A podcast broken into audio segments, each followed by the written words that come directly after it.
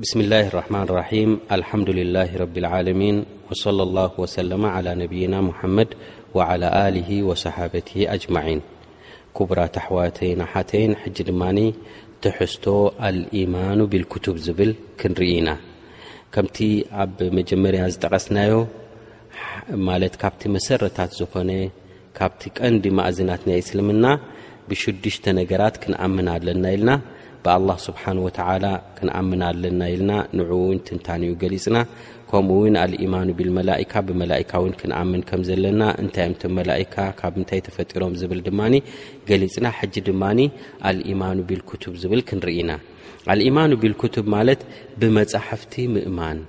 ኣየናይ መጻሕፍቲ ምእማን ማለት እዩ? እቲ ረቢ ስብሓነሁ ወተዓላ ዘውረዶ ብናቱ ርህራሄ ናብ ፍጡራቱ ዘውረዶ ኣሎ መምርሒ ንደቂ ሰባት ክኸውን። ደቂ ሰባት ነቲ መጻሕፍቲ እንተደኣ ተኸቲሎም ድማ ርሕሰት ናይ ኣዱንያን ርሕሰት ናይ ኣኼራን ናይታ ካልኣይቲ ዓለምን ዝረኽቡሉ ኣላህ ስብሓነሁ ወተዓላ ዘውረዶ መጻሕፍቲ ብእኡ ምእማን ማለት እዩ። እዚ መጻሕፍቲ እዚ ኣላ ስብሓን ወተዓላ ገለ ሎ ብፅሑፉ ናብ ነቢያት ዝወረደ ተፃሒፉ እንከሎ ገለ ድማ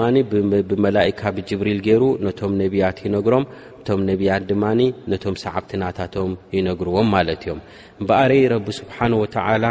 ንደቂ ሰባት ርሕሰት ክኸውን ንደቂ ሰባት መምርሒ ክኸውን ትእዛዛት ናይ ረቢን ክፈልጡን ብኡ ክምርሑን ኢሉ ዘውረዶ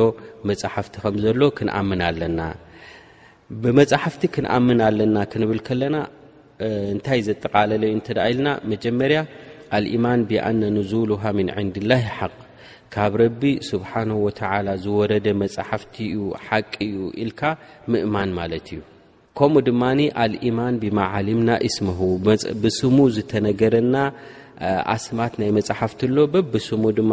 ተነገሩና ከሎ እተ ተነገሩ ኣሎ ኮይኑ ብስሙ እውን ክንኣምንን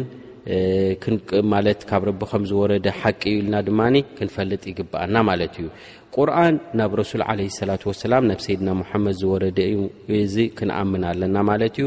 ከምኡ ድማ ተውራት ዝበሃል ናብ ሙሳ ዓለ ሰላም ዝወረደ ከም ዝነበረ እውን ክንኣምን ከምኡ ውን እንጅል ዝበሃል ናብ ዒሳ ዓለ ሰላም ዝወረደ ምንባሩ ክንኣምን ከምኡ ድማ ዘቡር ዝበሃል ናብ ዳውድ ዓለ ሰላም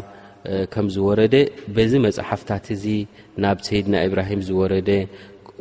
ስሑፍ ኢብራሂም ዝበሃል በዚ ክንኣምን ይግብኣና ማለት እዩ በቲ ዝተነገረና ኣብ ቁርን ይኹን ኣብ ሓዲስ መፅሓፍቲ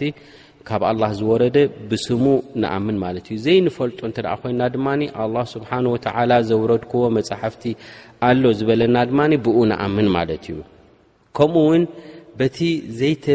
ዘይተቐየረ ከምቲ ረቢ ዘውረዶ ውን ሓደ ክልተ ዝተረፈ እንትርኣ ኣሎ ኮይኑ ከም ደለዎ ንኣምኖ ማለት እዩ ብቁርን ልከሪም ድማ ብምሉኡ ድማ ማለት ካብ ረቢ ስብሓን ወተዓላ ዝወረደ ምዃኑ ድማ ክንኣምንን ከምኡ ድማ ኣብ ቁርን ተነጊሩ ዘሎ ዘጋጥም ይኹን ዝነበረን ይኹን ኩሉ ነገራት ተዘርዚሩ ዘሎ ድማ ብኡ ክንኣምን ይግብኣና ማለት እዩ ቁርን ናይ መጨረሻን መደምደምታን ነቲ ቅድሚኡ ዝነበረ ማለት ንዑ ዓብሊሉ ንኩሉ ደቂ ሰባት ሕጂ እመት ሙሓመድ صለ ላه ለ ሰለም ዝኾኑ ዝኽተልዎ ናይ መጨረሻ መፅሓፍ እዩ ወልሊክ ረቡና ዘ ወጀል እንታይ ኢሉ ኣንዘልና ኢለይከ ልክታባ ብልሓቅ ሙሰዲቀ ልማ በይና የደይህ ምና ልክታብ ወሙሃይሚነን ዓለይህ እዚ ናብ ረሱል ዓለ ሰላት ወሰላም ዝወረደ ቁርን እንታይ እዩ እንተ ኢልና እሱ ነቲ ቀዳሞት ዝነበረ መጽሓፍቲ ብሓቂ ካብ ኣላህ ዝወረዱ ከም ዝነበሩ ዘረጋግጽ ከምኡ ድማ ነቲ ዝነበረ ንኹሉ ጠቕላሊ ዝኾነ ንቁርን ጥራሕ ክንክተል ዝወረደ ክታብ ምዃኑ ክንኣምን ማለት እዩ እምበኣረይ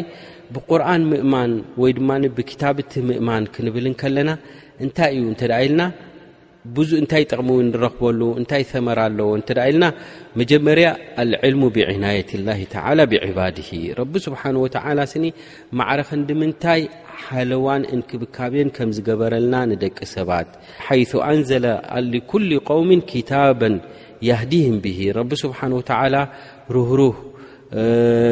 ማለት ራሒም ስለ ዝኾነ ንኹሉ ህዝቢ ንዕኦም ድሰማማዕ ዝኾነ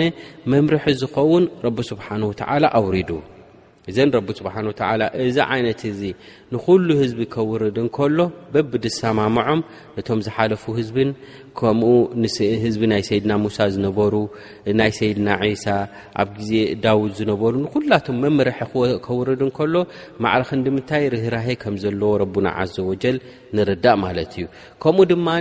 ብካልኣይ ሸነኽ ውን እንታይ ንርዳእ ማለት እዩ ሓንቲ ዓይነት መፅሓፍ ኣይገበኖን ረቢ ስብሓን ተላ ንኩሉ ዝተፈላለየ ምውራዱ እውን